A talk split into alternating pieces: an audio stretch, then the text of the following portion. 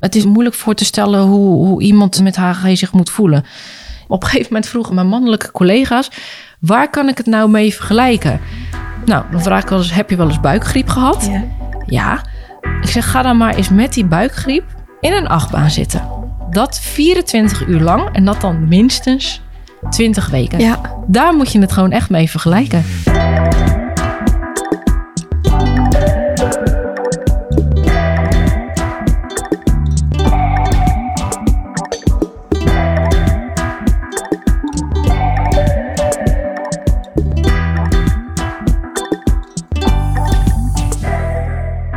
Vandaag zit ik samen met Jessica Sinai, bestuurslid van Stichting Zeg. Welkom in de podcast. Goedemorgen. Je spreekt het goed uit, zeg. Want meestal zeggen ze Z-E-H-G, maar wij zeggen gewoon zeg. Zeggen, ja. Ja. Misschien fijn voor de luisteraars. Wie ben jij? Ik ben Jessica Sinay. Ik eh, woon in Nederland.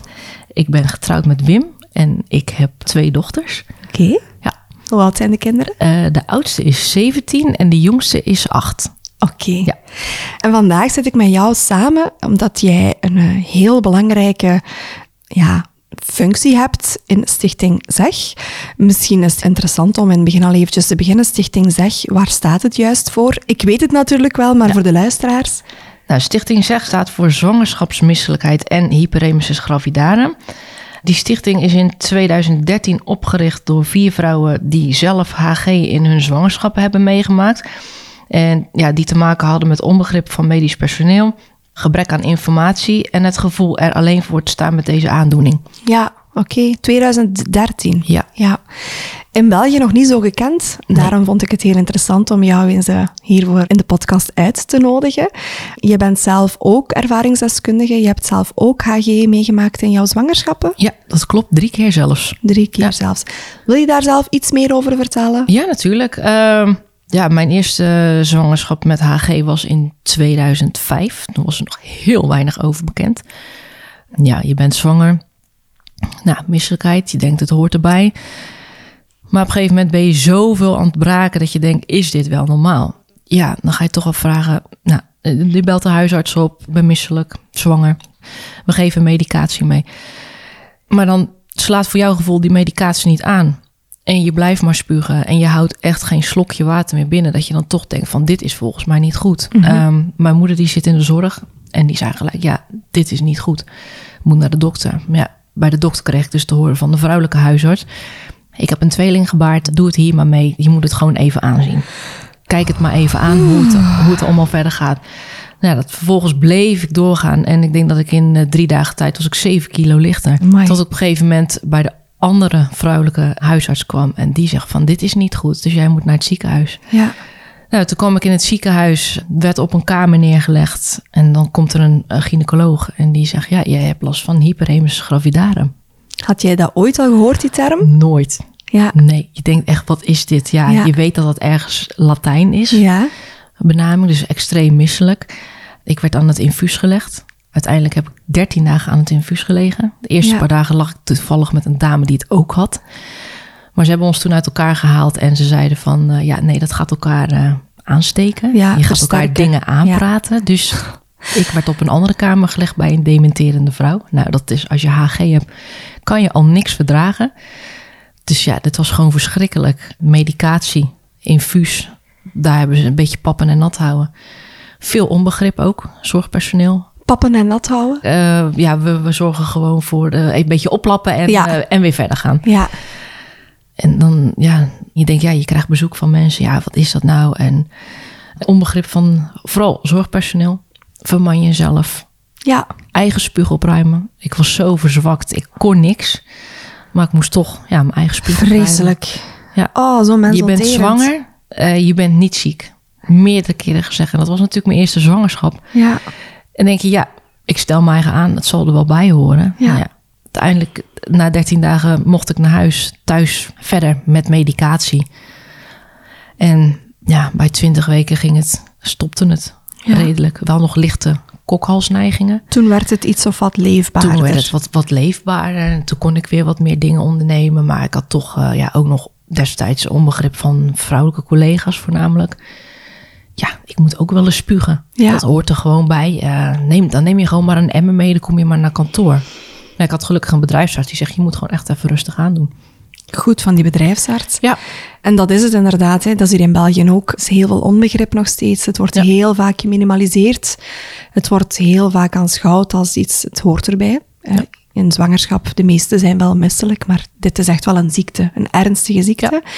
En ik denk dat het heel belangrijk is dat we deze ziekte inderdaad ja, een naam geven en ook eens de stem geven die het verdient voor al die vrouwen die hierdoor moesten en door moeten gaan nog. Hè. Misschien is dat dan wel interessant voor de luisteraars. Wat is het verschil tussen gewoon ziek zijn, tussen aanhalingstekens in de zwangerschap, en hyperemesis gravidarum? Hoe plakken jullie de definitie erop? Hoe wordt het onderscheid gemaakt? Nee, je hebt natuurlijk bij zwangerschapsmisselijkheid heb je dat je last hebt van episodes van misselijk en of overgeven. Je bent ja, gevoelig voor bewegingen, eh, gevoelig voor geuren, vermoeid en soms ook gevoelig uh, kokhalsreflex. Maar bij hyperemesis ben je misselijk, non-stop, 24/7, zoals ik het altijd maar noem. Braken, ja, kan. We hebben, je hebt er twee soorten varianten in. Je hebt de droge HG. Ja. Dat je het gevoel hebt dat je dus echt een brok in je keel hebt. 24 uur misselijk. Je kan niks eten en drinken. En je hebt inderdaad de natte variant. En dan meerdere keren per dag overgeven. Om maar een voorbeeld te geven. Ik Ja. had minstens 30 overgeefsessies per dag. Je houdt niks binnen. Ja, je bent extreem vermoeid. Je bent ook niet meer in staat om naar je werk te gaan, huishouden te verrichten of andere activiteiten te kunnen doen. Brandend maagzuur, problemen met eten en drinken, weinig plassen en vaak ook meer dan 5% eh, Gewichts- gewichtsafname. Ja. ja. En ja, wat we eigenlijk ook zeggen, hoe, hoe kan je HG omschrijven? Er is sinds november 2021 is er een internationale consensusdefinitie voor hyperemesis. Dat heet eh, de Windsor Definition for Hyperemesis. Die is eigenlijk ook mede mogelijk gemaakt door toponderzoekers van het Amsterdam UMC. Elk van de volgende criteria is dus eigenlijk vereist voor een definitie van HG. De symptomen die beginnen dus vroeg in de zwangerschap. Dus voor een zwangerschapsduur van 16 weken. Uh, meer dan 70% van de belanghebbenden was het erover eens dat de symptomen moesten beginnen voor de zwangerschapsduur van 16 weken. Het wordt gekenmerkt door ernstige misselijkheid en of braken, maar je hebt natuurlijk de droge of de natte variant. Je kan niet normaal eten en of drinken. Het beperkt de dagelijkse activiteit heel sterk. Tekenen van uitdrogen werden beschouwd als bijdragend, maar niet verplicht voor de definitie van HG. Maar wat wij dus eigenlijk op een simpele manier zeggen, dat mensen dat ook naar hun vrienden en, en familie kunnen uiten, is dat ja, HG is eigenlijk een potentieel levensbedreigende zwangerschapsaandoening. Die dus gekenmerkt wordt door gewichtsverlies, ondervoeding, uitdroging, het verlies van functioneren in het dagelijks leven door extreme misselijkheid en of braken. En het kan dus op langere termijn dus ook gevolgen hebben voor de gezondheid van de moeder en van het kind. Ja, en dat dat een belangrijke is, Ja, hè? Ja. dat wordt nog vaak onderschat. Want er wordt heel veel gezegd van ja, als je bevallen bent, dan gaat het over. Mhm. Maar er kunnen dus ook gevallen zijn, ja, dat er dus echt gevolgen zijn voor, voor moeder en kind. Ja. Ja. en ik denk niet alleen fysiek voor moeder, Nee. maar zeker ook mentaal gezien. Ja. De gevolgen voor het kind, dat is ook iets wat in Vlaanderen, denk ik, best wel veel zorgverleners nog niet echt inschatten of ja, benoemen. Eh, heel vaak wordt er in België gezegd, het is heel lastig voor jou als zwangere, maar die baby is een, een beetje als een parasiet. Die neemt Ja. wat hij nodig heeft. Ja. Die baby komt niks tekort. Die gaat gewoon aan al jouw reserves zitten. Maar dat klopt eigenlijk niet. Hè? Nee. Bij ernstige HG kunnen er ook inderdaad gevolgen zijn voor het kind. Hè? Ja, kan je daar iets meer over zeggen? Ja, nou ja, wat dus eigenlijk aangetoond is door verschillende onderzoeken, is dat ja, je kan te maken hebben dus met vroeggeboorte en een laag geboortegewicht, neurologische ontwikkeling. Ja, de precieze oorzaak is nog niet ontdekt, want daar hebben ze in Amerika hebben ze daar onderzoek naar gedaan. Mogelijkheden zoals afwijkingen in de hormonale eh, veranderingen, gebrek aan vitamines en ondervoeding bij de moeder, dus ja, door HG. Hart- en vaatziektes ook. Want het onderzoek dat uitgevoerd is door het Amsterdam UMC een aantal jaar geleden, die wees ook op de mogelijke problemen bij baby's die tijdens de zwangerschap waren blootgesteld aan eh, ondervoeding bij de moeder. En ze hebben dus op latere leeftijd kans om verschillende klachten te ontwikkelen, zoals hart- en vaatziekten, longziekte of suikerziekte. Oké. Ja. Zijn er ook verbanden te vinden tussen HG en bij de baby op latere leeftijd ontwikkelingsstoornissen, zoals ADHD, autisme? Ehm, nou ja, wat. ehm, we zijn natuurlijk eh, laatst bij het internationale HG-congres geweest in Londen. ADHD slash ASS een, een, een grote kans op HG wanneer er sprake is van ASS, dat is onwaarschijnlijk. Ehm, waarschijnlijk is dat door tekort aan voedsel en essentiële stoffen dat neurologische ontwikkelingen van het kind worden beïnvloed. Mhm. Maar overigens zijn er dus ook andere oorzaken voor ASS los van HG. Ja, ja, ja. Ja, ja. Maar ja, daar moet nog zoveel onderzoek naar gedaan worden. ja. Ja, en we proberen daar zoveel mogelijk van op de hoogte te blijven. Ja, door onze samenwerking met professor Painter van het AMC. Ja, want ja, ik ken haar. Allee, ik ken haar naam. Ik ken haar niet persoonlijk, jij wel. Wie Ja. is professor Painter? Zij is ehm, hoogleraar verloskunde en Ja. zij is ook een internationaal gerenommeerd onderzoeks eh, op het gebied van ondervoeding en HG. En ze zit ook mee in de stichting? Of? Ja, zij is eh, lid van de Raad van Advies bij ons. Ja, Ja. oké. In Vlaanderen ben ik nog steeds op zoek naar zo'n autoriteit op gebied van HG. Ja, Ze mogen zich altijd, eh, altijd melden. Ja. altijd melden. Ik Ja. wil zeker ook eens mee samenzitten. Ehm, goed dat er een, eh, een arts is in Nederland die daar zo haar schouders heeft ondergezet. Ze is onlangs ook gepromoveerd, had ik gezien. Hè? ja, dus Ja. inderdaad eh, ho- hoogleraar verloskunde. Dus ja, ze heeft nu echt de titel ook professor Painter. Ja. Ja. en dat is echt, zij is gepromoveerd in die ondervoeding en die HG. Ja. ja. Ja, ze heeft Ah. internationaal ook al heel veel eh, ja, onderzoek op haar naam staan. Waaronder ook dus het hongerwinteronderzoek waar we het dus net over hadden. Ja, Ja. oké. HG, hoe frequent komt dat? We gaan HG gebruiken Ja. vanaf nu, dat is misschien makkelijker. Ja. Misschien ook nog een hele kleine nuance voor de Vlaamse luisteraars. Wij zeggen hyperemesis en jullie zeggen hyperemesis. Eh, ja, het is maar net waar je de kleine... Ja, Ja, hyperemesis gravidaire, maar we korten het gewoon vaak ja, als HG Voilà. af. Inderdaad, we gaan gewoon HG zeggen Ja. vanaf nu, dat is makkelijker. Hoe frequent komt het voor? Hoeveel procent van de zwangeren krijgt hiermee te maken? Ja, ongeveer 0,2 tot eh, ja, zo'n 3 procent.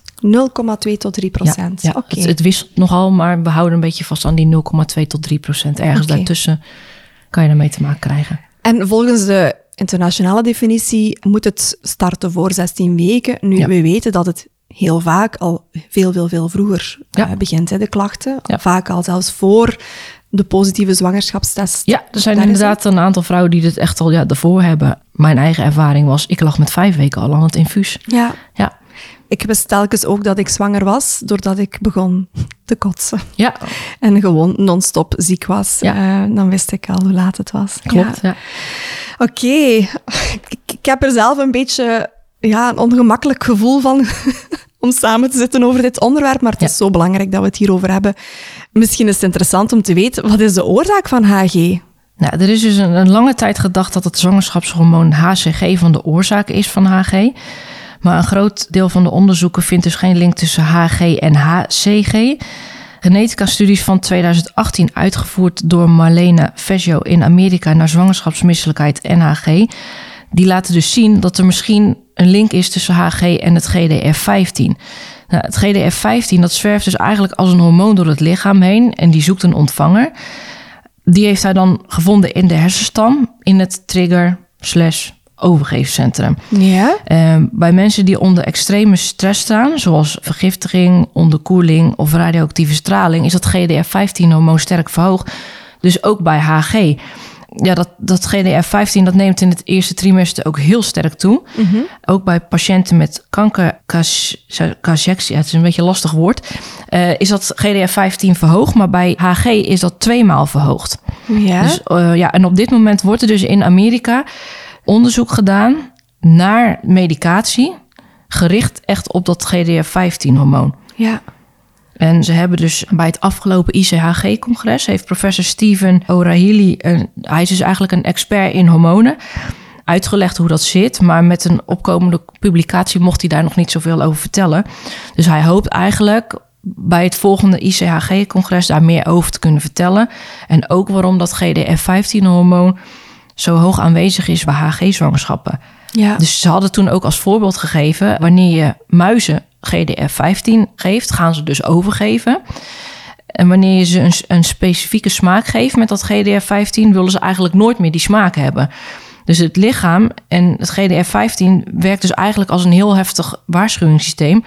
Ja, is het niet goed voor je, dan spuug je het uit. ja. Dus ja, daar zijn ze echt nog heel erg mee bezig om dus echt... Kijk, de link is gelegd in 2018. Maar ze moeten dus echt gaan onderzoeken hoe dat nou precies komt. ja. Ja, Maar het is dus eigenlijk geen ziekte die veroorzaakt wordt door het humaan chorion-gonadotrofine, zoals gedacht wordt, door Ja. het HCG. Ja. Maar dus eigenlijk is het een genetische component. Ja. Wilt dat dan ook zeggen dat de kans als jouw eigen moeder het gehad heeft bijvoorbeeld, dat jouw kans ook groter is? Ja. Ja. Ja.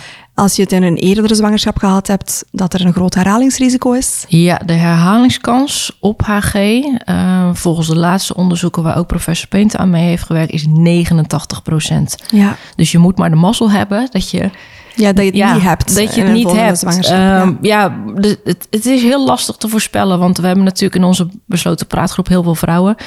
Er zijn vrouwen die het bijvoorbeeld bij de eerste twee zwangerschappen niet hebben gehad. en dan plots. En bij een derde ineens wel. We met, de- met eenzelfde partner dan? Ja, met dezelfde partner. Ja. Want er werd wel eens gezegd van, dat het te maken heeft met het sperma van de partner. Maar dat, ja, Mhm. Dat heeft er dus niets mee te maken. nee, dat kan naar, het- naar het Rijk der Fabelen, kan dat, nee. Nee. Want er zijn dus vrouwen die dus ook inderdaad verschillende partners hebben gehad. En die hadden het net zo erg. Ja. Ja. Heel veel mensen denken dat het geslachtsgebonden is. Mm, daar zijn ook wel wat onderzoeken naar gedaan. Want ze hadden dus gezegd dat het inderdaad bij meisjes dat het dan hoog kan zijn. Maar Ja. dat is ook niet. Significant, Significant. Nee, aangetoond. Nee. Wordt het per zwangerschap erger? Ja, dat wel. Ja, want ik, ik wou jou dat inderdaad vragen. Ik, ik heb zelf elke zwangerschap HG gehad. En in mijn beleving werd het per zwangerschap erger. Maar ik vroeg mezelf heel hard af... Is dat gewoon zo omdat mijn lichaam het herkent van... Oké, dat hormoon, dat GDF-15, staat gewoon veel scherper. Ja. De klachten worden gewoon veel ernstiger. Ja. Of is het omdat uw eigen draagkracht misschien ook een beetje meer op de proef gesteld wordt, doordat er al veel meer vermoeidheid is, doordat je al die zwangerschappen hebt gehad, doordat je kinderen hebt rondlopen, slaaptekort. Is er van beide kanten iets te zeggen, of is het echt gewoon genetisch gezien? Ja, vaak ook ja, echt het, het genetische. Kijk, het is natuurlijk wel zo dat HG, eh, het is een erfelijk eh, component. Als jouw zus bijvoorbeeld HG heeft gehad, is de kans 17 keer groter dat jij het ook krijgt dan wanneer ze het niet hebben gehad. En als jouw mo- 17 keer. 17 keer Ja. groter, dat is volgens een onderzoek uit 2022. Heeft jouw moeder het gehad, dan is de kans drie keer groter dat jij het ook krijgt. Ja. Dus eigenlijk, ja, verschillende onderzoeken laten dus ook verschillende herhalingskansen zien. Ja. Maar we houden het dus vaak hierbij. Kijk, en bij mij, ja, niemand had het in de familie. Ja. Dus het moet ergens ja, vandaan komen. Ja, En ze vermoeden eigenlijk meer van de kant van mijn vader. Omdat mijn oma, die leeft niet meer. Maar die was schijnbaar ook altijd heel misselijk in de zwangerschappen. Maar van mijn moeders kant heeft niemand het gehad. niemand het gehad. Nee. Bij mij heeft mijn mama zelf ook heel, heel lang heel veel klachten gehad. Maar ja, Ja. toen werd daar helemaal geen eh, definitie op gekleefd. Hè. Zeker eh, in die tijd moest je het vooral maar doorstaan. Hè. Eh, het was vooral doorstaan. En wat wij ook vaak terug horen. We hebben een aantal keren in ja, een aantal bladen gestaan. En dat we reacties kregen van vrouwen waarvan het al 50 jaar geleden was. Dat ze bevallen waren. Dat ze zeggen, ik weet na 50 jaar dat het een naam heeft. Ja, Dat ik eindelijk weet wat ik had. En dat ik nu weet dat ik destijds niet gek was. Ja, Want ja, ja. In vroegere tijden werd in het ziekenhuis werd je gewoon op een donkere kamer neergelegd. De wasbak werd afgeplakt. Afgeplakt, de wc werd afgeplakt. Gewoon echt barbaars ja. gewoon. Alsof, het, Ja. alsof het dan zou stoppen. Ja, want dan zeggen ze, dan leer je wel af om te gaan spugen. Ja. Want het, ja, er wordt gewoon nog steeds gezegd dat het psychisch is. Ja, Maar er zijn onderzoeken die aangetoond hebben dat het niet psychisch is, maar dat het wel de oorzaak kan zijn. ja. En Dus- dat er psychische klachten kunnen optreden door de HG, dat spreekt wel voor zich, denk ik. Ja. ja. Misschien komen we daar, allez, we komen daar straks nog wel even op terug, want dat vind ik wel een hele belangrijke. Het zit inderdaad niet tussen jouw oren. Hè? En Nee. de barbaarse toestanden die jij net beschrijft van vroeger, ik heb daar gelukkig geen weet van, dat dat de dag van vandaag nog gebeurt. Maar wat de dag van vandaag, wat ik zelf toch ook heel hard ervaren heb in mijn eigen zwangerschappen, is dat er toch wel een stukje gedacht wordt dat het tussen je oren zit. Ja. Ehm, of dat je overdrijft, Ja. dat je je aanstelt. Ja. Dat je er eigenlijk gewoon niet goed in bent in zwanger zijn. Dat was een beetje de boodschap die ik zelf zo interpreteerde. Ik weet niet of dat, dat voor jou zo was. Ja, ik heb het ook gehad. Het, is echt, het, zit, het zit tussen je oren. Ja, Niet alleen van, eh, van zorgprofessionals, maar ook gewoon van, van, ja, van naasten van je. ja, Ja, je stelt je eigen aan. Ja. Je mankeert altijd wat. ja. Ja. Vreselijk. En dat is, de- dat is het, het, eh, die ervaring die we ook in de besloten praatgroep horen. Ja, je bent gewoon echt eenzaam. Ja, het is super isolerend, het, hè? Ja, het onbegrip en, en dat bijvoorbeeld dan de partner vertelt op het werk... ja, mijn vrouw is ziek, heeft last van haar. Ja, maar mijn vrouw moest ook wel eens spugen. Ja, Ze moet gewoon doorzetten, moet zich niet aanstellen. ja. Of een, eh, een krakotje eten voor het opstaan en een gembertabletje slikken. Ja, gember, dat is ook echt... Oh. Dat zeggen wij ook not dan. Nee. Nee, Vreselijk. Ja, dus Ja. probeer maar eens als je gember hebt genomen. Probeer het maar eens uit te spugen. Ja. Het brandt gewoon echt. Dus al die goed bedoelde adviezen van gember, gemberpillen. Ja, het kan helpen bij gewone zwangerschapsmisselijkheid. Maar bij HG, Niet. nee. Ik geloof Nee. dat er is een onderzoek gedaan... eh, waarvan eh, uit is naar voren gekomen... dat eh 87,6 procent aangaf dat het gewoon niet helpt. Nee. Juist averechts. Ja. Het brandt gewoon Ja. echt. En dan denken we wel, probeer het maar. Dus dat tegen mensen zeggen, probeer maar de gember. Ja. Zijn ze de, Ja. ja. de huistuin-keukenmiddeltjes die, ik denk, bij een ongemakkelijke maag, bij een, een onwel gevoel, in het algemeen misschien wel kunnen helpen, maar bij HG dus niet. Hè? Ja, en ook, ja, ik moet zeggen, uit mijn, mijn eigen ervaring dat ik in het ziekenhuis lag, kreeg ik ook een diëtiste aan mijn bed. Ja. En die kwam dan met een standaard lijstje van, je moet dit eten, je moet dit eten, je moet dit eten, dit eten. En dat was dan crackers en, je moet, en beleg eten. En ja, dat ging gewoon niet. Nee. En het gekke is dat bij vrouwen met HG, juist de vette troep, om het maar even zo Ja. te zeggen, Best gaat. dat dat heel goed gaat. Ja. Ik heb wel eens gehad dat ik tegen mijn man zei... ik heb zin in een Big Mac. En dat bleef goed binnen. Nou ja, na een uur spuugde ik het dan wel uit. Maar Ja. dat voor mijn gevoel had ik wel weer even mijn- calorietjes binnen. Cola en chips, dat kon ik ook binnenhouden. Ik weet niet hoe vaak mijn man kaasblokjes gesneden heeft... midden in de nacht met siroop. Daar leefde ik op. Ja. Ja, het was niet goed voor mijn gebit. Nee. Tandarts was ook niet blij met het advies van... nou, dan eet je maar cola en, en chips. Wat tenminste, dat was dan de diëtist. Als je dan niks binnenhoudt, dan moet je dat maar proberen. Dat je Ja. je calorieën... Maar echt, ja, nee, mijn tanden, dat... ja, Herken ik. ja. Het doet er mij ook aan denken, na een van mijn opnames uit het ziekenhuis. Ik denk dat ik dit nog nooit verteld heb tegen iemand. Maar bij deze ben ik eh, effectief na de opname, dus aan het infuus een aantal dagen, gestopt aan de McDrive voor frieten en een hamburger. Omdat, ja, ik had daar heel veel zin in op dat moment. En ja, ik was gewoon blij dat ik zin had in iets. ja dat je En dat lukte Ja. vaak beter. Plus, het gaat misschien heel raar klinken, waar ik zelf ook heel hard aan dacht altijd als ik dan zwanger was.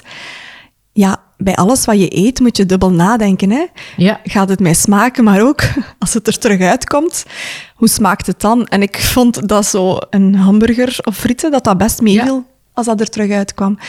Eh swat. nee. kan heel, gek, kan heel gek klinken voor de luisteraars die dit eh, hopelijk niet hebben moeten meemaken.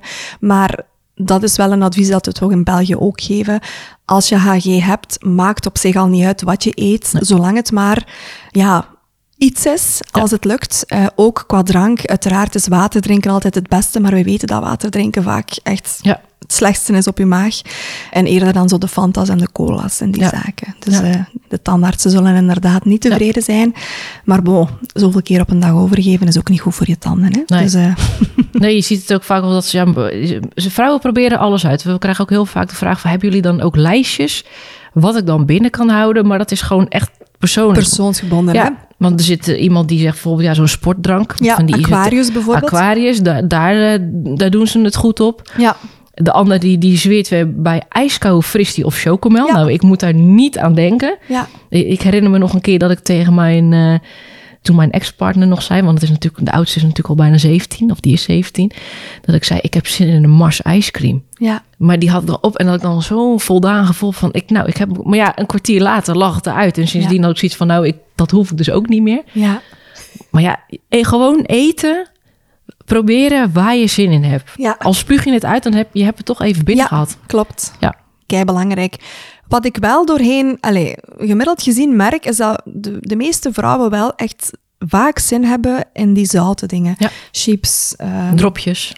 Ja, dat is iets wat wij in België dan Oh, weer minder eten. maar dat is ook zout inderdaad, ja. Ja. Ik denk dat dat echt ook is, omdat jouw lichaam op dat moment het Ja. gewoon nodig heeft. Die elektrolytenbalans is zo verstoord.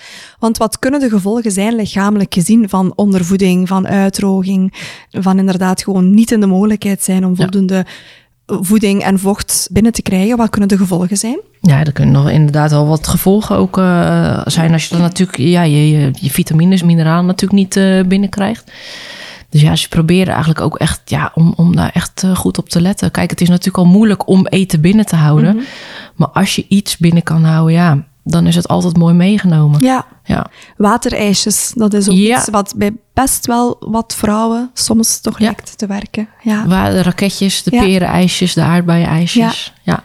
Misschien is het wel belangrijk om, om te weten, heel vaak bij zwangerschapsmisselijkheid wordt er gezegd van het is het eerste trimester, daarna gaat het beter, er wordt een, vaak een termijn gegeven. Ik was zelf ook wel naïef in mijn eerste zwangerschap. Ik dacht ook, ah ja, oké, als ik hè, 14 weken ben, dan zal het ook wel voorbij zijn.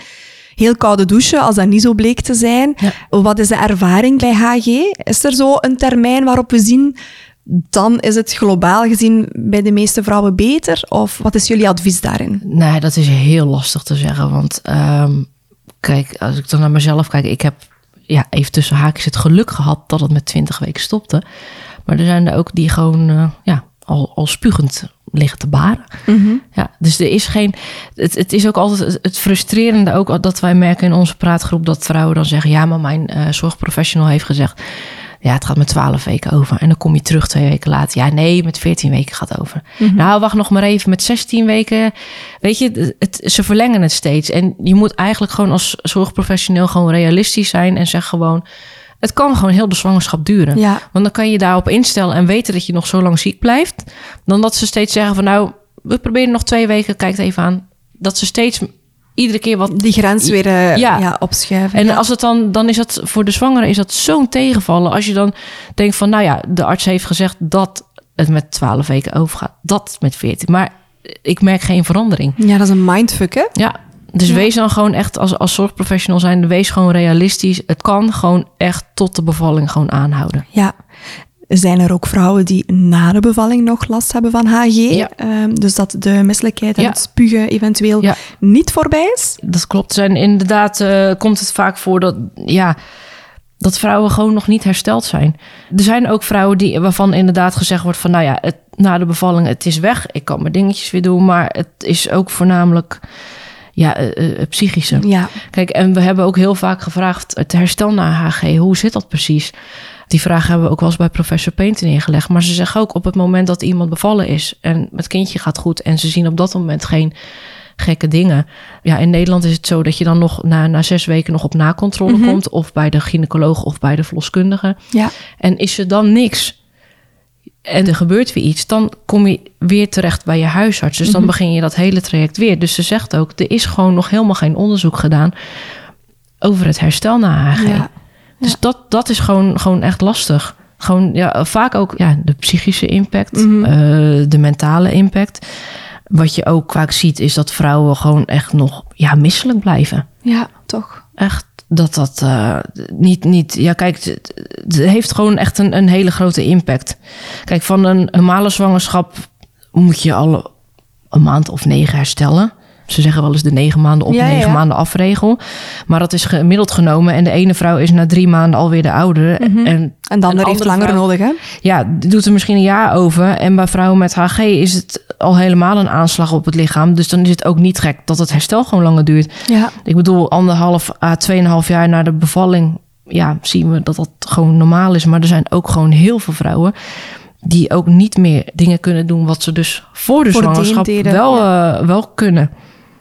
Dus ja, je, je kan dus met heel veel eh, zaken te maken krijgen. Ja. Bijvoorbeeld tekort aan, aan vitamine en mineralen. Want je hebt natuurlijk heel veel gespuugd en eenzijdig gegeten. Dus je bouwt dan tekorten op. En dat kan zich op allerlei manieren uiten. Verminderde weerstand of ja, energieniveau wat laag is. En ook hier spelen tekorten aan vitamine en mineralen een rol. En daarnaast heeft er waarschijnlijk ook dus spierafbraak plaatsgevonden... door verminderde activiteiten. Want er zijn vrouwen die gewoon echt Immobiel zijn, Ja. ja. Alleen maar op bed liggen. ja. Problemen met spijsvertering en eten. Ja, HG kan dus je spijsvertering ook gewoon echt behoorlijk in de war schoppen. Dat hoeft niet eens voorbij te zijn. Nou, zelf heb ik ook te maken gehad met een gevoelige kokhalsreflex.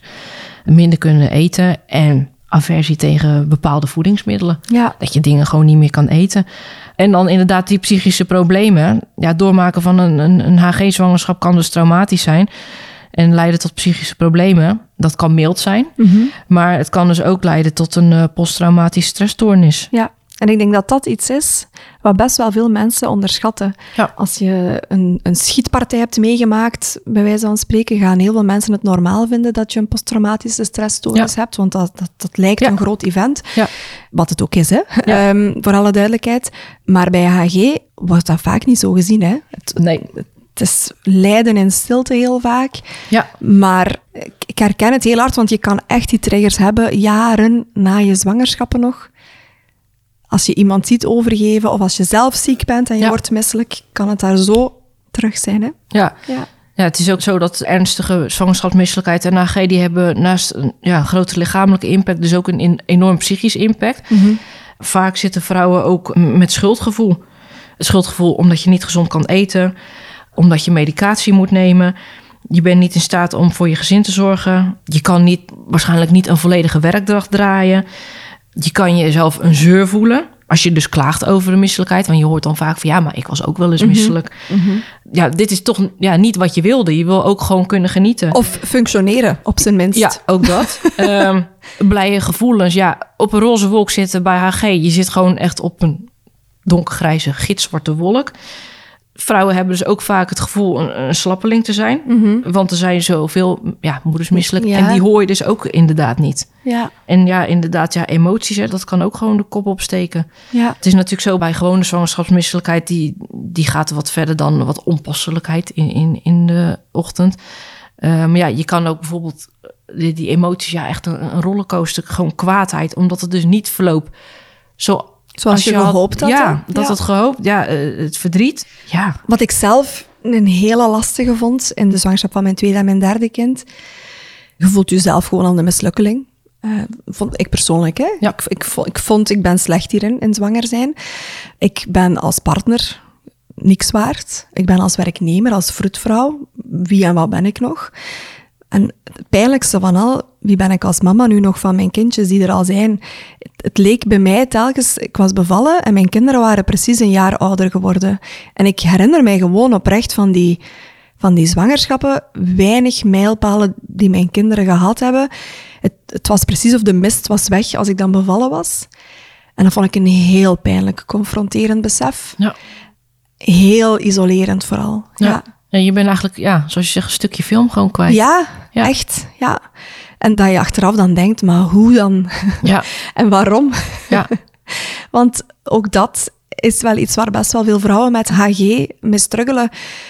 Wil ik dit nog? Ja. Ook al was het een heel gewenste zwangerschap aanvankelijk. Wil ik dit nog? Sommige vrouwen kiezen er ook effectief voor om voor abortus te gaan. Ik weet niet, kan jij daar de cijfers van?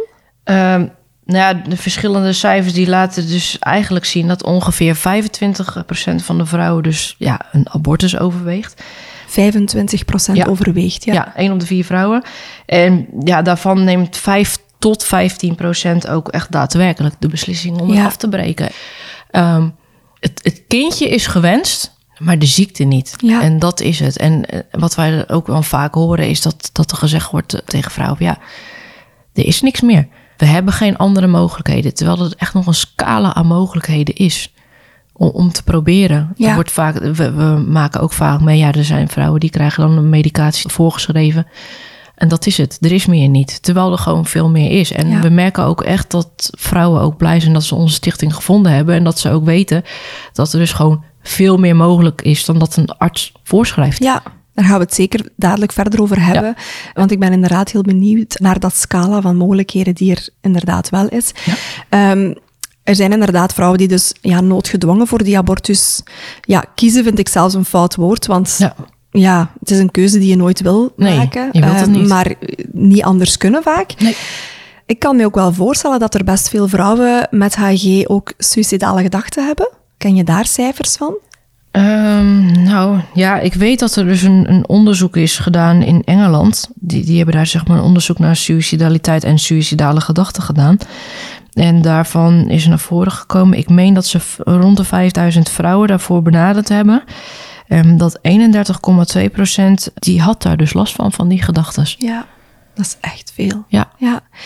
Zijn er cijfers gekend van vrouwen met HG die effectief eh, psychische klachten ontwikkelen, zoals een prenatale depressie of een angststoornis? Ja, die, er zijn inderdaad zo, maar er zijn op dit moment ook inderdaad verschillende, dus ik durf dat niet zo uit mijn hoofd te zeggen, maar ik dacht dat, uh, dat er 37% van de vrouwen die ervaart dus toch, ja, dat weet je, dat de psychische impact. Ja, ja. dus er is toch echt wel een correlatie. Ja. Hè? Ja. Ja. Maar ik denk wel een hele belangrijke dat we dat benadrukken. Het is een ziekte die die psychische impact als gevolg kan hebben, Ja. maar het is niet. Nee. HG is niet het gevolg van een psychische Nee.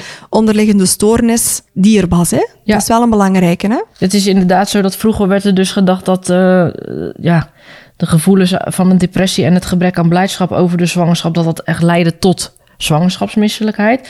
Maar tegenwoordig weet men dat deze gevoelens juist een gevolg zijn van ernstige zwangerschapsmisselijkheid. Ja, en wat kan helpen is, is ja, begrip van de omgeving, goede zorg en een luisterend oor kunnen helpen om, ja, om deze gevoelens zeg maar tegen te gaan. Ja. En dat die zaken dus een stuk minder worden. Dus wat we ook zeggen, neem dus altijd wel een paar mensen in vertrouwen en leg uit wat de hand is. En schroom dus niet om medische hulp te vragen Ja. en uit te leggen wat er aan de hand is.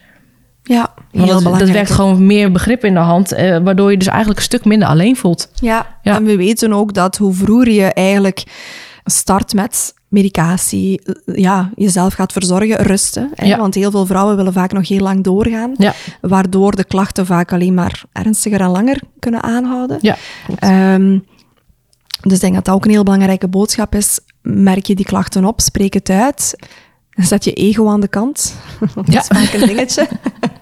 Je bent niet alleen, zeggen we Je altijd. bent niet alleen. Nee. Je zei daar net al even, want er is best wel veel mogelijk en best wel veel zorgverleners weten niet wat er allemaal mogelijk is. Kan je daar iets meer over vertellen? Qua medicatiebeleid bijvoorbeeld al? Ja, het, het is dus namelijk zo wat wij dus ook zien in de praatgroep. Die is natuurlijk al, daar, daar hebben we het natuurlijk straks nog even over. Er worden dus ja, voor de behandeling worden dus verschillende medicaties gebruikt. Soms wordt er een combinatie gemaakt van medicatie. Kijk, we weten nog niet zo goed hoe dat precies in, in België is. We hebben dus in Nederland het farmaceutisch kompas van het Zorginstituut Nederland. En daar staan dus een aantal medicijnen op die dus voorgeschreven kunnen worden. Ja. Wat, zijn zo de, wat, is, wat is hetgeen waar ze meestal mee starten in Nederland? Meestal starten ze met, ehm met emesafene. Dat is ja, eigenlijk een samenstelling van meclozine en eh, peridoxine. Je hebt ook eh, Suprimal, maar daar zit dan niet die vitamine B6 in. Tweede stap, wat ze dus daarna gebruiken, dat is metoclopramide. Maar daar is dus wel... dat is de- de Premperan, hè? dat is de Primperan. Als het goed is, wordt die in België ook voorgeschreven. Ja.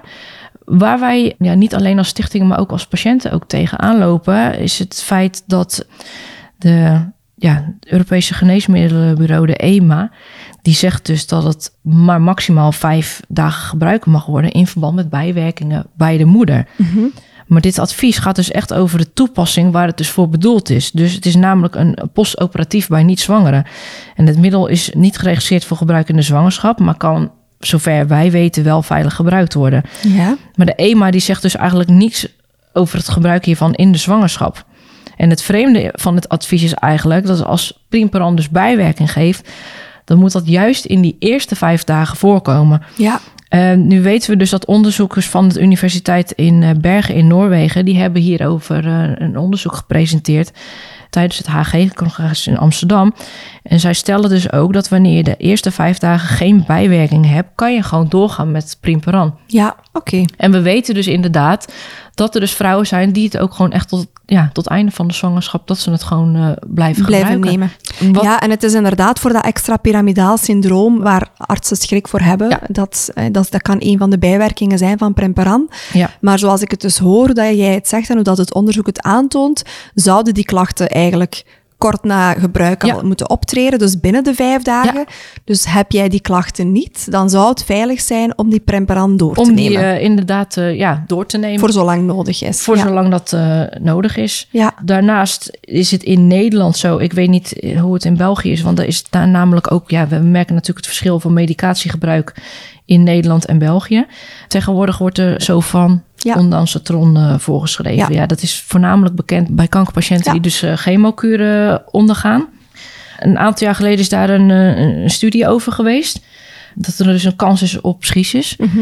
Maar ja, de onderzoeken waarvan wij weten die, die gedaan zijn, als je het ondansetron niet gebruikt, dan is de kans op schisis 0,11 procent. Mhm. Gebruik je ondansetron wel, dan is de kans 0,14.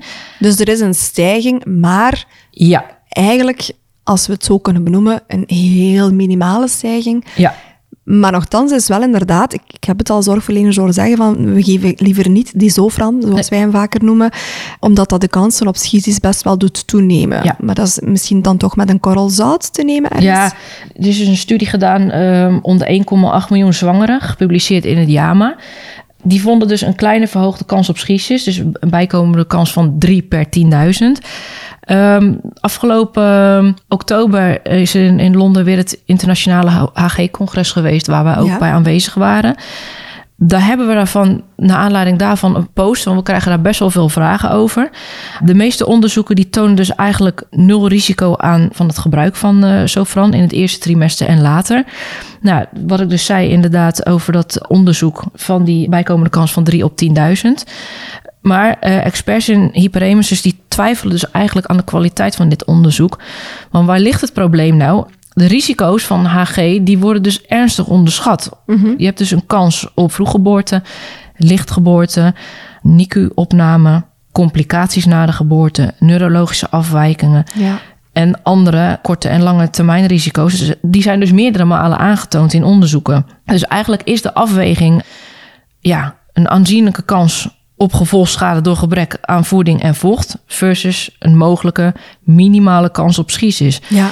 En wat ons standpunt is, is dat artsen en patiënten moeten gaan beseffen dat HG veel grotere risico's geeft dan gebruik van een van de in Nederlands meest gebruikte medicijnen. Ja. Ja, en dat ze zich eigenlijk beter moeten verdiepen in onderzoek naar dit onderwerp, net als de autoriteiten op medicijngebied.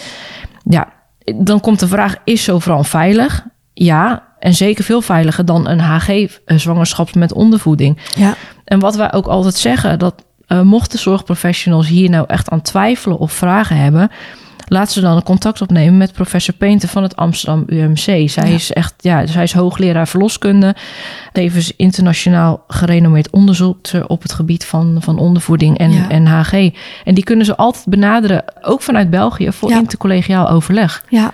Heel belangrijk. Goeie. Want zo, ja, Sofran is bij mij mijn redmiddel geweest. Oké. Had ik het niet gebruikt, dan was of ik of de kleine was er niet meer geweest. Ja, kijk. Ja, Ja. best wel veel vrouwen zijn er goed mee. Ja, Maar ook een belangrijke, medicatie is heel individueel. Hè? Wat Ja. bij heel veel vrouwen aanslaat, ja, je kan ook de pech hebben. Ja. Dus het is soms een zoektocht. Hè? het is een, een zoektocht. We merken ook vaak dat vrouwen ook ja, soms echt een cocktail hebben. Mhm, Eh, ja. Die mesafenen, ja, die, die echt alles hebben. Plus daarna nog eens zonder voeding bovenop krijgen. Ja, Ja, het, het is gewoon... We, we horen ook vaak van ja, welke medicatie helpt nou het best? trial Dat, and error. dat, dat krijgen we dus echt van vrouwen van ja, wat kan ik nou het beste proberen? Wat helpt nou? Maar het is echt persoonlijk. ja. Een arts schrijft het ook echt persoonlijk voor. Het is gewoon zoeken, wat helpt bij jou? Ja, ja, ja, Ja. ja. In België hebben we ook medicatie die in Nederland denk ik minder gekend is. Navalid. Dat is iets dat sinds een aantal jaren bij ons gegeven wordt. Off-label weliswaar. Dat is wel Ja. belangrijk om te weten. Voor de luisteraars. Dat wordt gegeven aan heel veel zwangeren die klachten hebben van HG of van zwangerschapsmisselijkheid. En dat is medicatie die bij best wel veel patiënten goed lijkt aan te slaan. Dat die, allee, die Ja. lijkt best wel veel te doen, maar zeer duur. Ja, klopt. Dus dat is ook wel weer een belangrijke. Ja. Eh, hoe is het in Nederland qua terugbetaling? Nou, we zitten dus ook even kijken, want je hebt in België heb je dus wat Navalid, wat inderdaad wordt voorgeschreven. Daar horen we goede verhalen over. Maar we hebben ooit eens contact gehad met iemand in België. Van, goh, hoe zit dat nou? Ja, tot nu toe was Navalid alleen in, in België verkrijgbaar. Mhm. Maar ja, het onderzoek bij het gebruik van Navalid, het is eigenlijk nog steeds schaars. Waardoor het dus ook nog niet op is genomen in de richtlijnen en in de SKP België. Ja, dat betekent eigenlijk dus wat je dus zei, dat wanneer een arts het voorschrijft, dan is het gebruik off-label. En dan ligt eigenlijk ja, de verantwoordelijkheid dus inderdaad bij arts-gynaecoloog. Ja. In Nederland is er wel een handelsvergunning voor, onder de naam Xonvea. Maar dat is ook nog niet geregistreerd voor de behandeling van HG. ja. Wegens onvoldoende onderzoeken. Ja. Dus ze houden het in Nederland. Is dus meclozine, ja, dus de emesafene, dan de primperan, Dan de Zofran. dan de Zofran. Ja. En Ja. dan dit nog eventueel als een andere Ja. optie. Ja, en het punt is ook, wat wij dus ook merken, de ervaring is dat wij in Nederland qua behandeling dus voorlopen op België. Maar het is ook namelijk zo dat in Nederland heeft ieder ziekenhuis zijn eigen protocol. Het goede nieuws is wel dat er wordt gewerkt aan een landelijke richtlijn voor de behandeling van Oké. HG. Daar zijn wij Dus die is er Ook- eigenlijk nog niet. Nee, daar zijn ze wel mee begonnen. Alleen, ja, dat project dat kan twee, tweeënhalf jaar duren. En dan moet het nog geïmplementeerd worden Ja, ja, in de ziekenhuizen. Dus, maar we merken dus nu ook het verschil in ziekenhuizen. Dat, laten we bijvoorbeeld even Rotterdam als, als voorbeeld nemen. Rotterdam heeft drie à vier ziekenhuizen. Ziekenhuis A, die schrijft wel Sofran voor. Ziekenhuis B, bijvoorbeeld twee kilometer verderop, die schrijft het weer niet voor. Ja. En ziekenhuis C, die doet bijvoorbeeld helemaal niks. Dus Ja. onderling merk je in Nederland dat er gewoon nog een groot verschil is. En dat we ook raak horen van ja, maar in dat ziekenhuis krijg ik wel het medicatie, maar bij mij wordt het niet Ja. gegeven. Dat is in België ook nog Ja. zo. Ja. Dus, en dat merken we ook heel vaak. De vraag vanuit België van wat wordt er dan bij jullie voorgeschreven? Hebben jullie dan een richtlijn? Ja. Ja, het, het is gewoon, ja, gewoon frustrerend gewoon voor een zwangere dat je zo je best Ja. moet doen om gehoord te worden. ja, want we mogen dat echt niet vergeten. Als je daar ondertussen in zit, je hebt gewoon geen energie over Nee. om ook nog eens daarvoor te moeten gaan strijden. Ja. Zelf op onderzoek te Ja. moeten uitgaan. Dat is vaak gewoon die stap te veel. Ja. Dus we moeten daar inderdaad naar gaan streven dat er gewoon een, eh, richtlijn, een duidelijke richtlijn komt. Ja. Hè? Ja. Ja. Ook in België. Ja, over, nog even over die vergoedingen. Ja, ik, ik weet dat het systeem in Nederland, België met vergoeding dat dat ook anders is. Wat ik wel weet is dat die Sonvea, die wordt eh, voorlopig nog niet vergoed. Omdat er dus inderdaad nog ja, Te weinig onderzoek ja, te weinig onderzoek naar gedaan is. Ja. Ja, En het is duur, hè? Ja. Allee, in België is die toch inderdaad heel duur. Dat is ook een belangrijke wel. Kan voor patiënten echt wel een drempel zijn. Ja. Het kost echt wel veel geld. Ja. Zeker als je er langdurig meerdere tabletten per dag Ja. van moet nemen. Het loopt op, hè? ja, Negen maanden is lang. ja, ja. Dus dat is toch ook wel een belangrijke. Ehm, over die medicatie wil ik misschien nog wel een korte toevoeging doen. In die zin, het kan voor veel mensen in de omgeving lijken van ja, maar er is medicatie. Dus ja, wees dankbaar dat er medicatie is. Wat denk ik heel veel HG-survivors zullen beamen. Maar het is ook wel vaak een moeilijke stap om die medicatie toch te zetten. Want als je zwanger bent, is het gewoon niet fijn Nee, om beroep te moeten doen op medicatie. Het is niet alleen voor jezelf, maar het is voor dat kind. En Ja. heel vaak, ja, je wil gewoon liefst van al zo weinig mogelijk moeten nemen in zo'n zwangerschap. Dus ik wil dat toch ook nog eens even benoemd hebben, dat we daar echt wel voorzichtig mee omspringen, met in hoe dat we die zwangere benaderen, of hoe dat we dat als een gemakkelijke oplossing zien, medicatie. Dat Ja. is het nooit, hè. nee, is ook zo. Maar kijk bijvoorbeeld als je gaat kijken naar een buissluiting van, eh, of een buissluiten van een paracetamol.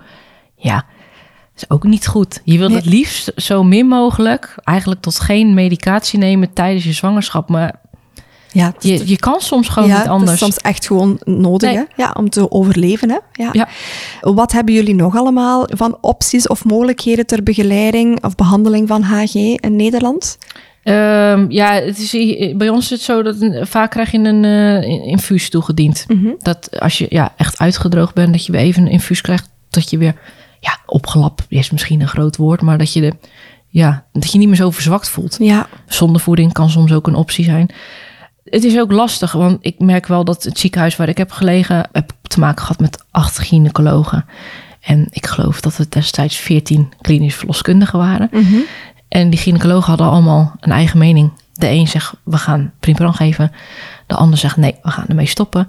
De ander zegt, we gaan Sofran toedienen. De ander zegt, nee, we gaan zondevoeding toepassen. ja. Die kwam weer met dat. Die, Zo en dat is zo frustrerend als er geen richtlijn is en artsen dan hun eigen mening hebben en dan niet kijken naar het belang van de patiënt. Ja. Hebben jullie in Nederland... Ik weet, jullie hebben bijvoorbeeld een poppoli, hè, poli voor psychische begeleiding in Ja. die perinatale periode. Dat is iets wat wij in België eigenlijk niet kennen. Ja. Als iemand de diagnose HG krijgt, krijgt hij dan bijvoorbeeld ook al van in het begin het advies van kijk, weet dat er een hele grote invloed kan zijn op jouw mentaal welbevinden. Weet dat je daar ook die ondersteuning voor verdient. En daarom kan je terecht bij die of die of die. Ja. Is Nou, dat ik- standaard? Ehm, nou, ik moet zeggen, mijn laatste zwangerschap is natuurlijk eh, alweer bijna negen jaar geleden. En er is natuurlijk in de loop van de jaren veel veranderd. Als ik kijk naar mijn zwangerschap uit 2005 en die uit 2014. Ik moet zeggen dat ik de laatste tijd in de praatgroep wel ook voorbij zie komen. Dat vrouwen dus inderdaad al bij een poppolie terecht kunnen. Ik heb daar zelf helemaal geen ervaring mee gehad met, met een poppolie. Dus ja, ik kan er eigenlijk ook ja, weinig over zeggen. Ik Ja. moet wel merken dat, dat toch veel vrouwen wel daar naartoe gaan en dat het wel helpt. Ja, Dat wel. fijn. Goed dus om dat te is weten. wel eh, goed eh, inderdaad om te weten. Ja. ja. Ik denk vooral het feit dat die optie gegeven wordt, denk ik dat al een hele grote stap is. Dat Ja. dat zaadje geplant wordt. Ja. Ik kan me voorstellen dat vrouwen die HG hebben, daar op die moment zelf niet altijd de energie voor hebben. Nee. Maar gewoon al het feit van, oké, maar ze benoemen dat wel. Ze weten dat er een invloed kan zijn op mijn mentaal welzijn. Dus het Ja. ligt niet aan mij. En ik verdien ook wel die ondersteuning. Ik denk dat dat al heel veel betekent. Hè? Maar je bent niet gek. Dat is, Nee, dat moet dat is even je oren, om, aan vrouwen mee te geven. Ook al ga je bijvoorbeeld naar zo'n poppolie. Je bent niet gek. Nee, nee. Nee. dat is een hele belangrijke boodschap, inderdaad. Ehm, zijn er bij jullie psychologen of psychiaters die daarin ook gespecialiseerd zijn in HG, die jij kent? Of waar jullie naar doorverwijzen? Ehm, nou, dat, we hebben heel toevallig hebben wij laatst een artikel gemaakt met eh, twee psychologen die dus ook vrouwen met HG in hun praktijk hebben gehad.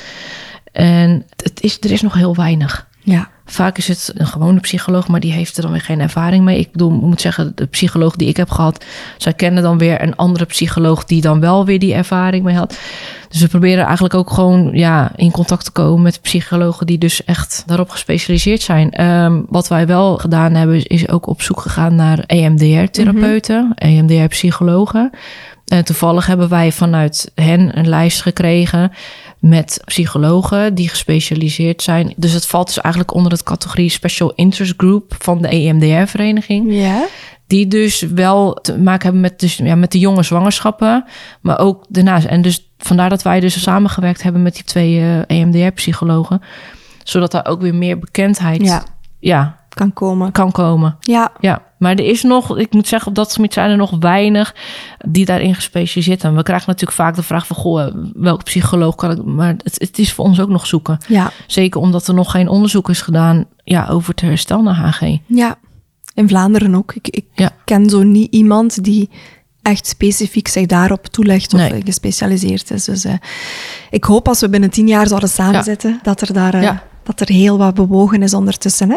Wat wij dus ook wel zien, en ik, ik, ik weet ook niet of, jij dat systeem ook kent. Wij hebben in Nederland hebben wij Zorgkaart Nederland. Daar kunnen mensen hun eh, zorgprofessional of bijvoorbeeld ziekenhuis of verloskundige praktijk, psycho. Wij vragen ook altijd: waardeer je zorgprofessional op zorgkaart? Ja. En dat kunnen mensen dan doen op de aandoening extreme zwangerschapsmisselijkheid. Zodat er dus eigenlijk een lijst ontstaat dat mensen kunnen zien waar kan ik nou Ja, terecht, terecht. of niet. Oké. Dat kan natuurlijk ook. Dus we krijgen ook heel vaak de vraag aan vrouwen uit België van... joh, is zoiets er ook dat je je zorgprofessional kan reviewen? Kan scoren eigenlijk. die, ja. ja. Voor zover ik weet is. bestaat dat niet. Nee, want dat zou natuurlijk voor, voor, voor de vrouwen in België ook makkelijk zijn... dat ze weten van, goh, ik heb HG. Ja. Kijk, nu vragen we het in de praatgroep van... joh, Die regio. welke regio, welke gynaecoloog of, of vroedvrouw kan ik terecht voor HG? Wie is daarin gespecialiseerd? En we hebben dat dan wel in een lijstje, maar ja, vanwege de AVG-regel, privacywetgeving, mogen we dat ook niet meer bijhouden. Dus vandaar dat, dat we het altijd zeggen, joh, in de groep kan je die namen kan je terugvinden. Ja.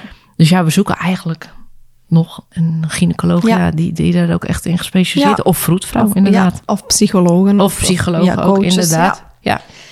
ja. Jullie stichting, we hebben het al een paar keer benoemd, de praatgroep. Wat is eigenlijk, wat doen jullie allemaal met de stichting? Nou ja, zoals ik al eerder had aangegeven, we zijn dus opgericht inderdaad door vier vrouwen die dus eh, te maken hebben gehad tijdens hun zwangerschap. Ja, ons voornaamste doel, dat is vrouwen een plek geven waar ze zich gehoord en begrepen voelen. Informatie kunnen vinden over hun aandoening. Ja, ondersteuning, lotgenotencontact. Zorgen dat er dus correcte informatie verstrekt wordt over HG. Want vaak wordt er nog te veel onjuist eh, Advies gegeven. advies Ja. gegeven. Wordt er gezegd, ja, vaak gaat HG wel met 12 weken over. Nee, Mhm. het houdt echt tot aan de bevalling aan. Nou ja, zoals ik al eerder had aangegeven, we maken ons ook hard voor een landelijk eh, protocol voor de behandeling van Ja. HG. Dat is inmiddels in werking. Ja. Ook mede door professor Painter. En ja, we faciliteren ook onderzoek. Dus we bieden ook onderzoekers de mogelijkheid aan om een onderzoek te presenteren. Oproepen te plaatsen als er dus deelnemers ja, gezocht worden. Onze praatgroep, ja, Ja, Die heb Heel ik al, groot, ja. ja. Onlangs heb ik die zelf... Allee, ik heb die vorig jaar maar ontdekt. Heel pijnlijk om te realiseren dat die al van in 2013 Ja. bestaat. Ja. Hier in Vlaanderen echt nog veel te weinig gekend. Ik zit er zelf ook in intussen. En ik kan me voorstellen dat ik daar heel veel aan zou gehad hebben. Het is echt een aanrader als je zelf HG doormaakt Ja. of doorgemaakt hebt. Ja, inderdaad, Eh, doormaken heb gemaakt. Eh, de groep is ontzettend, nou, ik moet zijn, zeggen, explosief gestegen. Ook door de aandacht van een aantal bekende Nederlanders die het gehad hebben. Ja, we zitten denk ik nu op bijna 3500 vrouwen in die Ja. besloten praatgroep. We hebben ook gewoon echt gezegd, het is een besloten praatgroep. Echt voor vrouwen met AG. We laten ook bewust geen familieleden Mhm. of vrienden. Daar hebben we een, een speciaal gedeelte voor op onze website. Om die vrouwen gewoon echt een veilige ruimte. de veilige geven. ruimte, de privacy te geven. Kijk, we snappen natuurlijk wel dat, dat familieleden dingen willen weten. Mhm. Maar alles wat in die groep besproken wordt, dat blijft ook gewoon echt in de groep. Ja. Met één woord weten de andere, ja, die weten gewoon waar je het over hebt. ja, klopt. Ehm, ja, waar komen ze voor? Natuurlijk inderdaad om die, die moeilijke periode te doorstaan. Er zijn ook vrouwen die aan het eind van de zwangerschap uit de groep Ja. gaan. Want die zeggen, ja, ik vind het lastig om, om Ja. al het, alles weer terug te lezen. Er zijn er ook heel veel die terugkomen. Die willen zich vaak voorbereiden op een tweede of derde of Ja. soms vierde zwangerschap. Ik, ik weet ook dat er heel veel vriendschappen ontstaan zijn uit die groep. Ik weet dat volgens mij hebben we laatst een groepje. eh, Wat we ook wel eens doen, is dat vrouwen gewoon een eigen WhatsApp-groepje. eh, Die, die dan tegelijk Ja. zwanger zijn, zelfde periode. Om elkaar te blijven aanmoedigen. Ja, en maar die doen dat dan eh, apart. En, en ik weet dat er ook gewoon ja, hele mooie initiatieven zijn van vrouwen die gewoon echt nog steeds ja, contact met elkaar hebben Ja, uit die periode. Wat opvalt in de groep, vind ik, is dat er, ehm, er wordt niet veroordelend gedaan. Nee. Er wordt niet gemeten van, ik had het erger, ik gaf Nee. meer over dan jij. Dat is zo fijn om te lezen. Ik, ik, ik kijk er ook niet heel vaak in, omdat ik dat zelf ook nog wel af en toe triggerend kan vinden. Ja. Maar het voelt vooral, het, het is zo warm, alle reacties. Ja. Ook vrouwen die echt aangeven dat zij twijfels hebben van, wil ik deze zwangerschap nog doorgaan? Er wordt niet gestuurd in een een of andere richting. Het is echt, een vrouw wordt in haar waarde gelaten, krijgt gewoon respect en ondersteuning. En dat is zo mooi om te zien. En ook heel fijn soms wel om te lezen als vrouwen dan inderdaad bevallen zijn, dat ze dat dan ook nog eens posten van, Ja. dankjewel voor alle steun die Ja. we gehad hebben. Kijk, hier is ons resultaat waarvoor we het gedaan hebben. Ja. En dus oh, het is zo'n warme groep. Het is echt een aanrader. Echt, de echt positiviteit. Kijk, het komt natuurlijk wel eens voor. eh, we moeten natuurlijk als admins ook wel streng zijn. Als we dan dingen denken van ja, het klopt niet. Of dat, er dan, dat we het gevoel krijgen dat vrouwen gaan vergelijken van ik had het erger. Ja, Dan, grijpen, we, dan grijpen we wel gelijk altijd in. Van jongens, luister. Het is al een verschrikkelijke aandoening. Je Ja. loopt al tegen onbegrip aan. Ga dan alsjeblieft niet meten hoe erg jij het hebt gehad. Nee. Het is geen strijd. We zijn er juist om elkaar te steunen. En, en eh, wat we dus wel merken is dat in, in andere landen hebben ze ook allemaal van die praatgroepen. Maar daar wordt het voornamelijk op fora gedaan. Mhm. Maar daar kunnen ze dat niet... Ja, dat klinkt misschien heel lullig dat ik het zeg. Maar wij hebben dit zo in de hand weten het heel goed te regelen. Terwijl dat, we zien dat in andere landen dat niet zo gaat. Dat wij die groep gewoon zo goed bij elkaar kunnen Ja. houden. Ja, want jij zegt nu van inderdaad, we moeten het soms wel wat modereren. Dat is mij nog nooit opgevallen als lid van de groep. Dus dan denk ik dat jullie een, eh, een goede Ja. job leveren. Ja.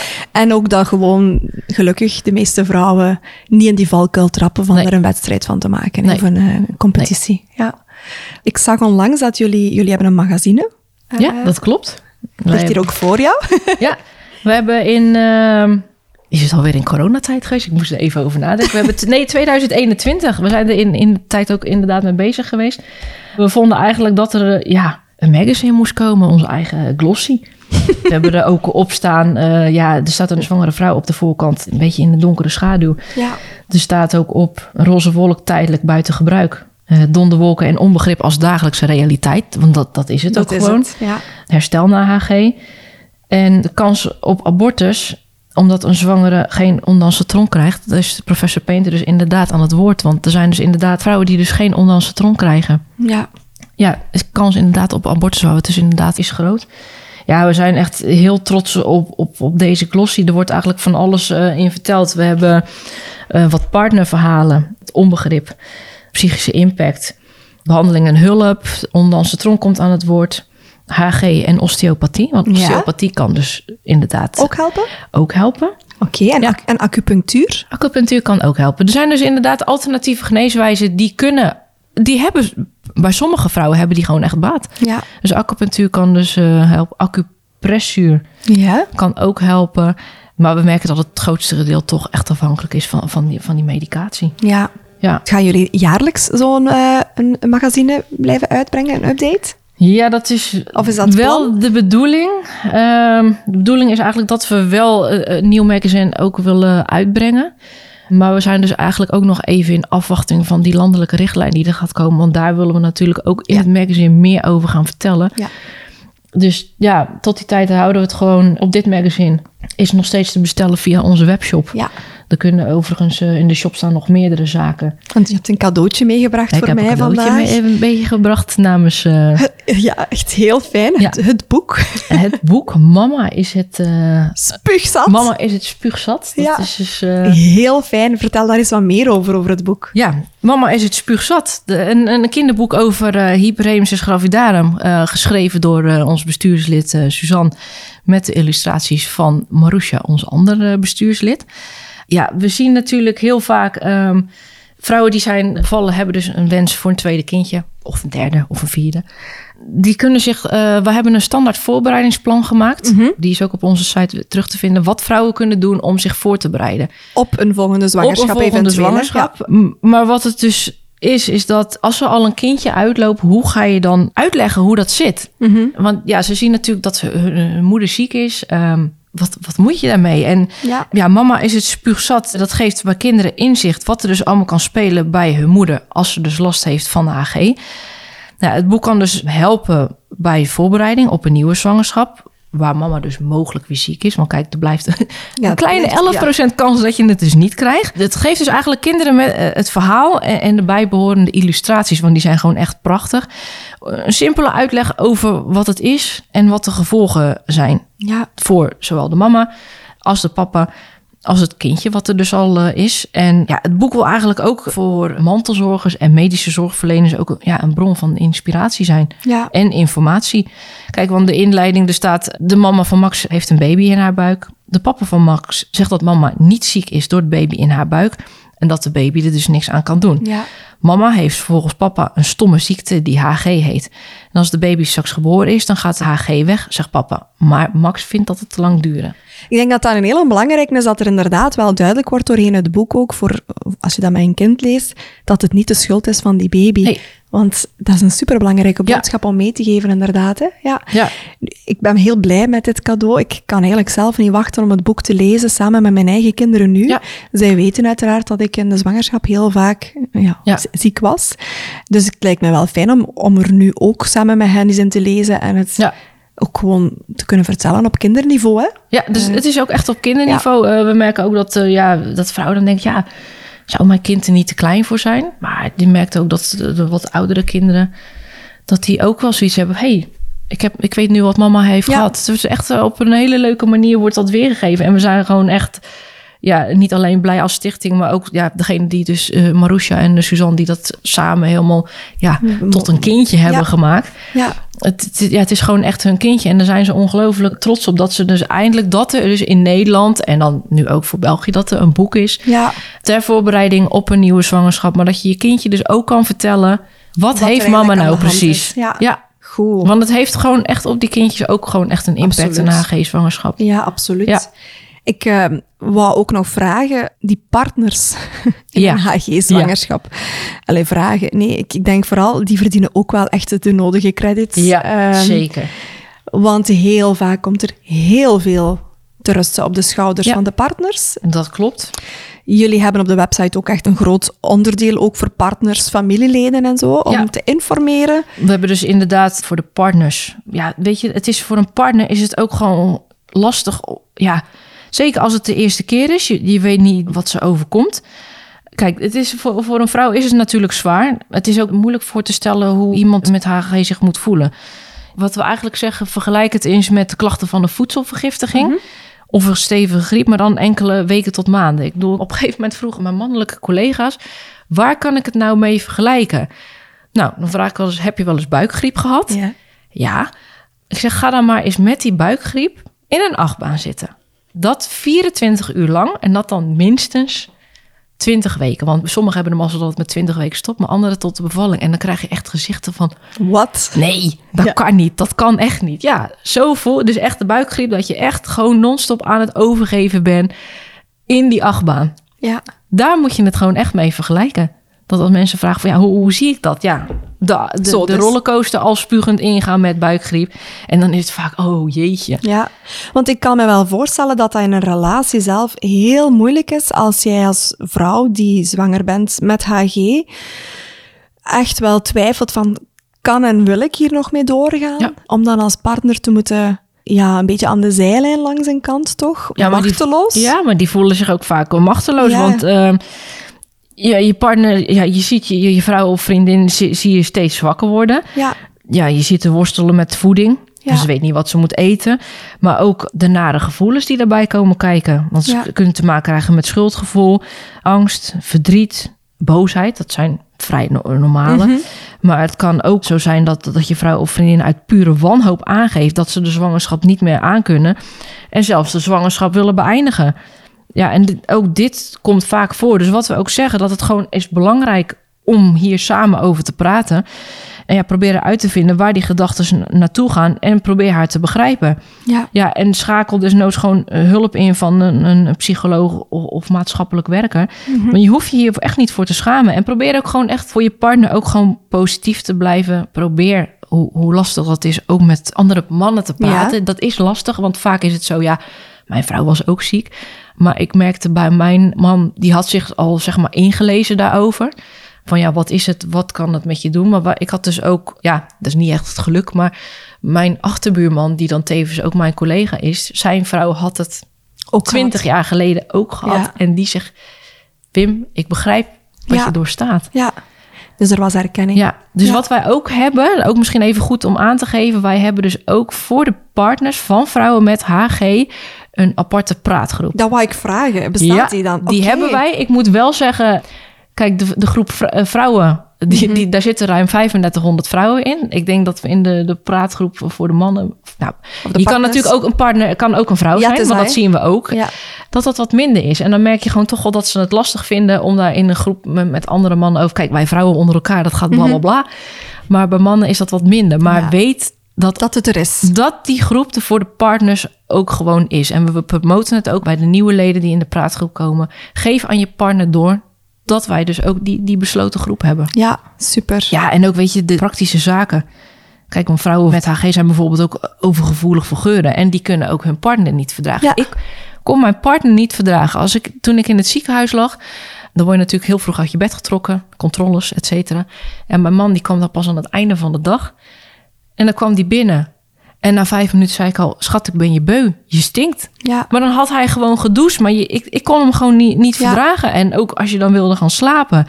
Voor de partners is het gewoon belangrijk. Probeer dit niet als een afwijzing te zien. Het is niet persoonlijk. Nee, maar als een symptoom van de HG. Maar Ja. je vrouw of vriendin heeft gewoon echt je steun nodig. Mhm. Tips die we dan geven, die, die hebben natuurlijk op onze site staan. Maar als je bijvoorbeeld gaat koken, geef even een seintje als je gaat koken. Want die geuren, die kunnen zo verschrikkelijk zijn. Ja, dat is waar. Ehm, ja. vraag ze ergens om. Geef het dan gewoon. Ik, ik hoefde maar met mijn vingers. Ja, when I snap my fingers. Ja. Dan stond, wist mijn man al. Ja. Ik moet naar de keuken. Ik moet blokjes kaas snijden. En ik moet gewoon een beetje ja, siroop klaarmaken. En voel je ook niet schuldig dat als ze bijvoorbeeld iets binnen heeft gekregen. Dat je met heel veel moeite het klaar hebt gemaakt. En ze spuugt het weer Ja. uit.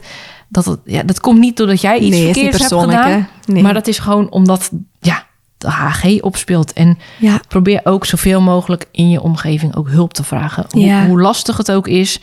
Als ze een opleving heeft, ga dan even leuke dingetjes doen. Het kan even kort zijn, dat ze dat momentje hebt, maar wel verfrissend. Ja, en probeer iets, iets mee te nemen. Als ze bijvoorbeeld in het ziekenhuis ligt, dat ze gewoon even een houvast hebben op de momenten dat ze alleen is. Ja. Eh, en vraag bijvoorbeeld familieleden om, om een kaartje te sturen. Het idee dat mensen met je meeleven is natuurlijk al, al prettig. eh, Absoluut. Ja. maar probeer ook, belangrijk, ook als het kan, iets voor jezelf te doen. Sporten of naar een vriend gaan. Je hebt zelf ook nieuwe energie nodig om voor haar kunnen... Om dit te kunnen blijven Ja. volhouden, hè? Ja. En weet ook als partner dat jij dus ook die ondersteuning verdient hè, als Ja. jij die nodig hebt. Ook dat. Het is een hele belangrijke. Dat wordt vaak vergeten. Dat merkte ik bij mijn man ook. Alle aandacht gaat naar de zwangere. de ja, dus die toe. cijferen zich helemaal weg. Cijferen zich helemaal weg. Ja, Ehm, gaan diep in het rood vaak. ja, Ja. ook dat. Zeker als er al kinderen zijn ook. Ja. Ze moeten blijven werken ondertussen Ja. hun huishouden. Ja. Een, een vrouw die ze vaak moeten helpen om te wassen, Ja. aan te kleden. Aan te kleden. Ja. ja. Het is heel pittig voor die partners Ja. ook. Hè? Ja. Maar ja, je, weet je, ik moet zeggen, mijn, mijn, eh, ja, mijn band met mijn ma- man is er eigenlijk alleen maar sterker doorgekomen. We hebben natuurlijk het eerst te maken gehad met een miskraam, ook met HG. En je merkt toch wel dat je door dit soort dingen, dat je ook sterker...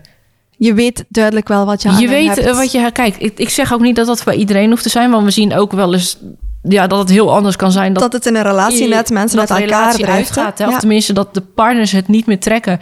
Weten niet hoe ze met de situatie moeten dealen. Daarom zeggen we ook, zoek alsjeblieft hulp. ja, Ja, zo belangrijk. dat is echt heel belangrijk, ja. Ja, prachtig wat jullie doen met de stichting. Ik vraag mij af, hoe kunnen mensen jullie sponsoren of steunen? Ja, wij zijn een non-profit organisatie, dus we zijn echt ja, afhankelijk van, van donaties eh, die, die wij binnenkrijgen. Oké. En dat wordt gebruikt eh, voor, voor onder andere het onderhouden van de website. Bankkosten die je natuurlijk ook hebt. Eh, we willen ook heel graag op bepaalde congressen staan. Ja, die zijn helaas ook voor non-profit organisaties niet gratis. We proberen ook wel steeds aanwezig te zijn bij de internationale HG-congres. Ja, weet je, dan moet je er naartoe reizen. Daar is ook gewoon allemaal geld voor nodig. Absoluut. Ja, wij zijn, zoals ik zeg, non-profit. We zijn afhankelijk van vrijwilligers. Wij als bestuursleden doen dat ook allemaal eh, belangeloos. Wij ontvangen hier helemaal niks voor. Dat is echt wel een hele mooie insteek, maar het vraagt ook ontzettend veel. Dus Ja. ik zal misschien de gegevens, ik, sowieso ga ik de website ook in eh, Ja. De show notes zetten. Het is een super informatieve website voor iedereen, zorgverleners, patiënten, familieleden. Familieleden. Ja. Waarschijnlijk staat op de site ook wel de info voor de, de- hoe dat je kan doneren ja, bijvoorbeeld. klopt. We hebben Ja. daar een apart gedeelte over hoe je kan eh, doneren. Kijk, Dus volgens mij heet het kopje eh, onder Stichting Zeg en dan help mee. En anders zit er nog een zoekfunctie op waar je, eh, ja, waar het, kan eh, vinden. ja, en er staat ook precies op van ja, wat onze doelen zijn, waarom we, do- waarom we donaties vragen. Kijk, Ja. het is natuurlijk nu de afgelopen HG-congressen natuurlijk zeer belangrijk dat we daar weer aanwezig waren. Dat werd ook echt heel erg gewaardeerd. Dat er dan van iedere patiëntenvereniging uit welk land dan ook iemand, Iemand is, hè? Die dan zijn, zijn kijk en wij hebben natuurlijk voor België hebben we geen stichting dus Mhm. wij pakken automatisch zijn wij voor Nederland en België zijn wij altijd eh, ja proberen we aanwezig te zijn dus we hopen ja de, de- het is nog de eerstvolgende congres ja het is nog niet bekend maar we hopen daar zeker bij aanwezig te zijn ook al is het in het buitenland en moet er een verre reis voor gemaakt worden ja wij hopen echt dat we met die donaties dat we Dat het kan. ja dat dat, Dat gewoon mogelijk kan. is. ja Kijk, een oproep voor alle luisteraars. Ik denk zeker degenen die eh, iemand kennen die HG heeft gehad of het zelf hebben doorgemaakt, die gaan Ja. de noodzaak ook wel kennen. Dus kan je iets missen, vind je dit ook een even waardevolle organisatie? Ja, feel free to support. Is er nog iets wat jij zelf wilt toevoegen, Jessica? Ja, wat ik eigenlijk nog wel wilde toevoegen, eh, daar hebben we het eigenlijk nog niet over gehad. Het ketonenverhaal. Oh ja, ja, een mythe. Ja, de mythe. De we- ketonen. ja. Ketonen. Daar wordt altijd zo op gehamerd. Kei belangrijk inderdaad. Ja, het ketonenverhaal. Ketonen, ketonen. Ketonen zijn stoffen die gevormd worden in de lever. Ze worden vrijgegeven wanneer het lichaam zijn eigen vet gaat verbranden door een voedseltekort. De hoeveelheid ketonen kan je meten in de urine. Dit wordt vaak als graadmeter gebruikt om de ernst van de ondervoeding en uitdroging in te schatten. Onderzoek toont echter aan dat er geen verband is tussen de hoeveelheid ketonen in de urine en de ernst van de hyperemesis. Om die reden is het ook weinig zinvol om überhaupt ketonen nog te meten in de urine. Het heeft geen toegevoegde waarde in de diagnostiek en de behandeling van HG. Ik was zelf een van die patiënten die, omdat ze initieel niet positief stikte voor ketonen, Ja. was het zogezegd niet ernstig genoeg. Ja. Nee, dat, dan is het niet ernstig genoeg. ja. En dan, eh, nee, dat... eh, Vreselijke boodschap Nee. die je krijgt als patiënt. er zijn inderdaad ook eh, meerdere onderzoeken naar gedaan. Ook door Pregnancy Sickness Support, onze zeg maar, stichting in Engeland. UK, ja. in de UK. Onlangs mochten wij de oratie ook van professor Painter bijwonen. Dus dat zij benoemd is tot hoogleraar verloskunde. Ja, zij gaf ook aan dat er ook gewoon nog steeds gebruik wordt gemaakt van het meten van ketonen om HG vast te stellen. En of het noodzakelijk is dat een patiënt rehydratie krijgt. Nou, ketonen worden dus geproduceerd wanneer het lichaam geen koolhydraten meer heeft en vet begint te verbranden. Dat zijn dus geen tekenen van uitdrogingen zoals dat lang gezien werd. Professor Paint heeft samen met uh, een aantal collega's onderzocht of het zinvol is om ketonerie te gebruiken. En zij vonden dus, net zoals in Engeland ook, geen associatie met ziektemakers in hun eigen gegevens, maar ook niet bij de meta-analyses. Mhm. Dus er kan veilig gezegd worden: ban de ketonen. Ja, In, in de UK zeggen ze ditch the ketones. ja. Maar we, we zeggen dat ook heel vaak. eh, Vrouwen die dan in de praat gekomen. Ja, eh, ik word niet. Weet je wel. De, word niet de- de, de, ketonen ja. meten. De ketonen. Ja. Nee. Het zegt We, we zeggen ook altijd.